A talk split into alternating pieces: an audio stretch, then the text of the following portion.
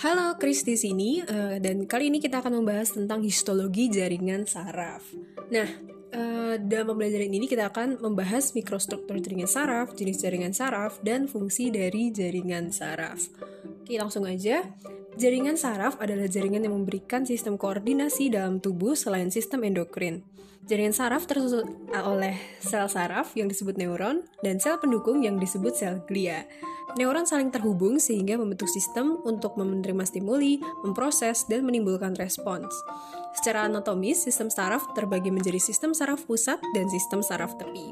Sistem saraf pusat terdiri dari otak dan medula spinalis, sedangkan sistem saraf tepi terdiri dari ganglion dan serabut saraf atau nervus perifericus. Neuron adalah sel dengan tonjolan sitoplasma yang mampu mengubah gradien ion jika menerima stimulus, atau dalam ini kita sebut juga excitable. Neuron berfungsi menerima, mengintegrasikan, dan menghantar pesan elektrokimia. Struktur neuron terdiri atas dendrit, badan sel, dan akson.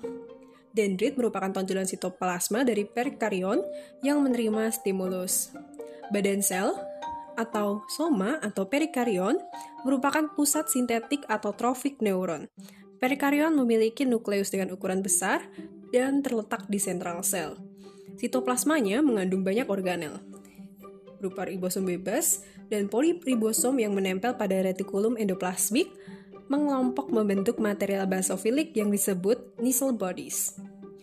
Neuroskeleton jadi di badan sel ini ada neuroskeleton yang terdiri atas neurotubulus dan berkas neurofilamen. Lalu di sini tadi uh, penyusunnya tadi kan dendrit badan sel akson. Yang akson, akson merupakan tonjolan sitoplasma yang berakhir pada sinapsis mengantarkan impuls ke sel lain. Jadi neuron, sel otot atau sel vital kelenjar. Baik.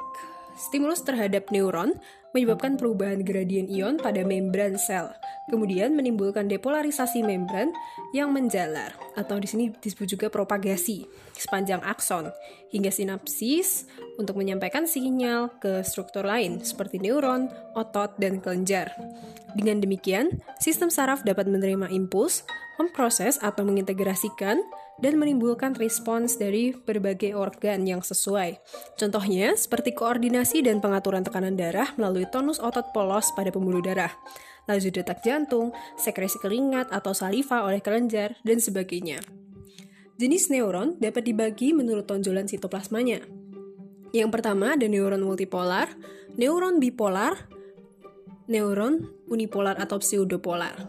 Nah, untuk neuron multipolar, dia ini memiliki satu akson dan banyak dendrit. Untuk neuron bipolar, dia memiliki satu akson dan satu dendrit. Contoh sel bipolar pada retina dan sel epitel olfaktori dan juga hair cell pada organon korti telinga. Yang ketiga ada neuron unipolar atau pseudopolar. Dia memiliki tonjolan sitoplasma tunggal yang bercabang ke sistem saraf pusat dan perifer. Neuron juga dapat terbagi menjadi beberapa klasifikasi berdasarkan fungsi, yaitu ada neuron sensorik, neuron motorik, dan interneuron. Neuron motorik tadi dia bisa dibagi menjadi dua yaitu somatic dan autonomic nerves. Nah, selanjutnya sinapsis. Sinapsis adalah tempat di mana impuls saraf ditransmisikan dari neuron satu ke yang lain atau dari neuron ke sel efektor. Setiap sinapsis memiliki tiga komponen yaitu membran presinapsis, membran postsinapsis, dan celah sinapsis yang memisahkan kedua membran tersebut. Nah, selanjutnya kita uh, berpindah ke sel pendukung atau yang disebut juga neuroglia atau sel glia. Sel glia berfungsi memberikan dukungan struktural dan nutrisional bagi neuron, isolasi elektrikal, membentuk barier, dan berperan dalam imunitas sistem saraf. Nah, kita akan membahas sel glia pada sistem saraf pusat dan sistem saraf tepi. Sel glia pada sistem saraf pusat itu contohnya ada astrosit, oligodendrosit, mikroglia, dan sel ependimal. Astrosit memiliki tonjolan sitoplasma yang ujungnya menggelembung, disebut pedicle atau vascular feet, di mana pedicle-pedicle ini menyelubungi kapiler piamater sehingga membentuk blood plane. membentuk blood-brain barrier atau sawar darah otak. Selanjutnya tadi ada oligodendrosit, dia membentuk mielin yang membungkus akson. selanjutnya ada mikroglia. Dia berperan dalam imunitas pada sistem saraf pusat. Mikroglia ini dapat berubah menjadi makrofag. Selanjutnya ada sel ependimal. Sel ependimal melapisi ruangan dan saluran yang terisi cerebrospinal fluid pada sistem saraf pusat. Contohnya pada ventriculis cerebri dan canalis centralis. Lalu ada sel glia pada sistem saraf tepi. Nah, di sini terdiri dari sel Schwann atau neurolemnocytus. Dia membentuk selubung mielin pada sistem saraf tepi. Jarak di antara selubung mielin disebut nodus Ranvier yang mempercepat propagasi impuls saraf.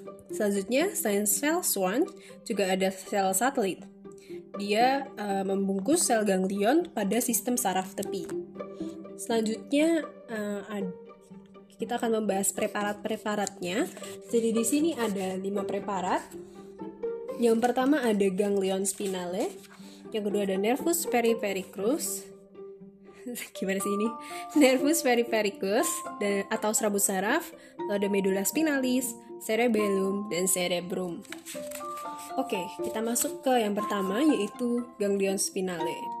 Nah, di sini uh, preparat yang disediakan adalah dengan pengecatan uh, hematosilin hematosilin hematosin eosin atau HE dan juga N1 nah uh, di sini ada beberapa struktur yang pertama ada ganglion tentu saja karena ya ini preparat ganglion yaitu bentuknya bulat atau oval yang memiliki serubung jaringan ikat padat dan terhubung dengan serabut saraf. Ganglion terisi badan sel soma pada sistem saraf tepi.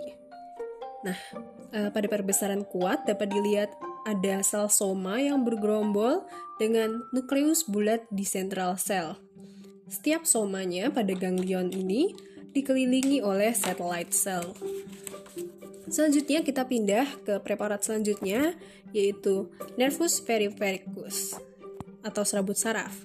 Pengasatannya adalah HE dan uh, eh, N3B. Nervus perifericus adalah kumpulan akson pada sistem saraf tepi. Pada perbesaran lemah dan kuat dapat dilihat adanya irisan melintang. Uh, di sini tampak setiap akson berupa titik gelap yang dikelilingi selubung mielin jernih tak berwarna dengan dinding jaringan ikat endoneurium. Ya, endoneurium.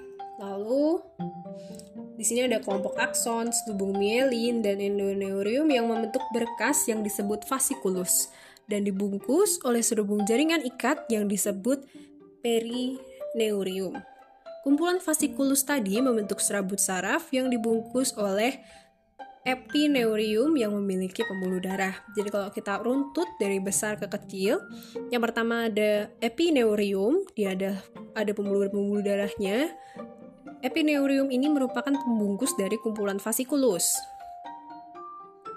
Nah, fasciculus itu sendiri tiap-tiap fasciculus dibungkus oleh perineurium. Lalu uh, fasciculus ini merupakan kumpulan kelompok akson di mana tiap kelompok akson itu diikat oleh yang namanya endoneurium dan tiap aksonnya diselubungi oleh selubung mielin. Jadi kalau untuk uh, pembungkusnya ya urutan pembungkus dari luar ke dalam itu ada epineurium, perineurium, endoneurium, dan selubung mielin. Next kita lanjut ke preparat selanjutnya ada medulla spinalis. Jadi di medulla spinalis ini pengecatannya adalah hematosin eosin dan N6. Nah, ini pada perbesaran lemah dapat dilihat Medulla spinalis berbentuk bulat atau oval dibungkus oleh meninges yang terdiri dari substansial alba atau white matter pada daerah perifer dan substansia grisea atau gray matter pada daerah sentral yang berbentuk kupu-kupu.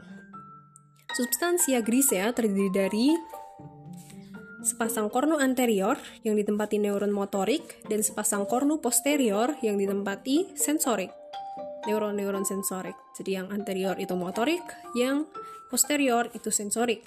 Di sini juga terdapat kanalis centralis di tengah substansia grisea. Nah, pada perbesaran kuat dapat dilihat uh, substansia alba yang ditempati oleh akson yang sebagian besar bermielin dan berbagai macam sel glia. Lalu untuk substansia grisea ditempati oleh badan sel syaraf dengan tonjolan sitoplasma. Di sini terdapat badan nisil atau nisil body yang berwarna biru pada sitoplasma. Dan di sini juga ada kanalis centralis yang berisi cerebrospinal fluid terletak di tengah substansia grisea dan dilapisi oleh sel ependimal berbentuk kuboid. Oke, Tadi kalau boleh di-review, uh, untuk perbesaran kuatnya tanpa ada substansia alba yang isinya akson dan sel glia, lalu yang substansia grisea isinya badan sel saraf yang ada di sel bodinya, lalu ada kanalis centralis yang uh, cerebrospinal fluidnya dikelilingi oleh sel ependimal. Next, kita lanjut ke preparat selanjutnya yaitu cerebellum. Cerebellum yang di sini ada pengecatan hematosineosin, hematoksin dan eosin apa apa sih sebenarnya? Mohon maaf kalau salah ya. Uh, dan N7 nah uh, pada perpisahan lemah ini tampak parenchyma cerebellum yang berbentuk lipatan-lipatan yang tegak lurus dengan permukaan. Ya ini tadi terdiri dari substansia grisea pada korteksnya dan substansia alba pada medula. Nah pada perbesaran kuat tampak korteks substansia grisea yang memiliki tiga lapis yaitu yang pertama adalah lapisan molekular jadi ini tampaknya sel-sel kecil dan menyebar. Lalu ada lapisan Purkinje, mana di sini ada sel-sel Purkinje yang berbentuk botol dan terletak dalam satu baris besarnya. Jadi kayak bundar-bundar gitu. Lalu ada lapisan granular, dia adalah uh, bentuknya kayak sel bundar yang padat gitu. Lalu ada uh, bagian medula atau substansia alba yang ditempati oleh akson neuroglia. Jadi kalau boleh direview lagi, kalau preparat cerebellum ini terdiri dari dua, yaitu bagian korteks, substansia grisea, dan substansia alba pada medula.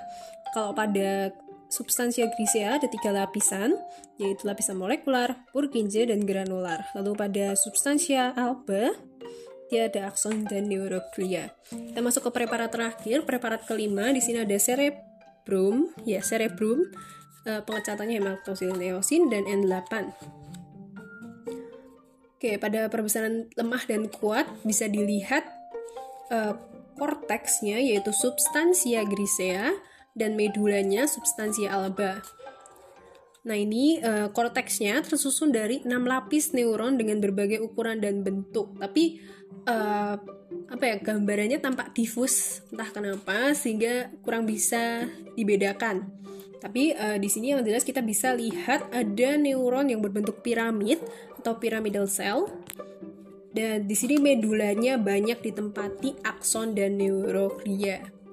Intinya kalau yang alba itu putih karena di akson yang banyak mielinnya, lalu substansia grisea itu karena pada badan sel terdapat nisel body sehingga tampak gelap. Gitu. Oke, jadi di sini ada beberapa pertanyaan. Yang pertama, apa saja komponen sistem saraf pusat? Tadi sistem saraf pusat terdiri dari otak dan medula spinalis. Ya, betul. Lalu uh, ada pertanyaan selanjutnya, apakah kumpulan badan sel saraf pada sistem saraf pusat? Kumpulan badan sel saraf pada sistem saraf pusat. Dan apakah nama kumpulan akson pada sistem saraf pusat? Oke. Jadi sistem saraf pusat itu kalau kumpulan badan sel saraf dia biasanya uh, jadi substansia grisea dan kumpulan akson itu biasanya menjadi substansia alba. Oke, lanjut. Apakah kumpulan badan sel saraf pada sistem saraf tepi? Apakah kumpulan akson pada sistem saraf tepi? Oke, mungkin sama ya kalau uh, badan sel saraf tuh namanya substansia grisea dan kalau yang kumpulan akson itu substansia alba. Nah, bedanya kalau sistem saraf pusat, substansia griseanya ada di luar, sedangkan kalau pada sistem saraf tep eh wait no way, sistem saraf tepi sistem saraf medula spinalis masuk sistem saraf pusat sih sebentar. Sorry, I just have a epiphany.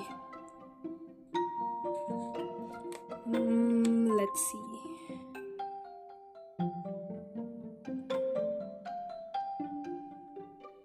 Soalnya kalau sistem saraf tepi itu isinya ganglion dan nervus perifericus. Ya gak sih?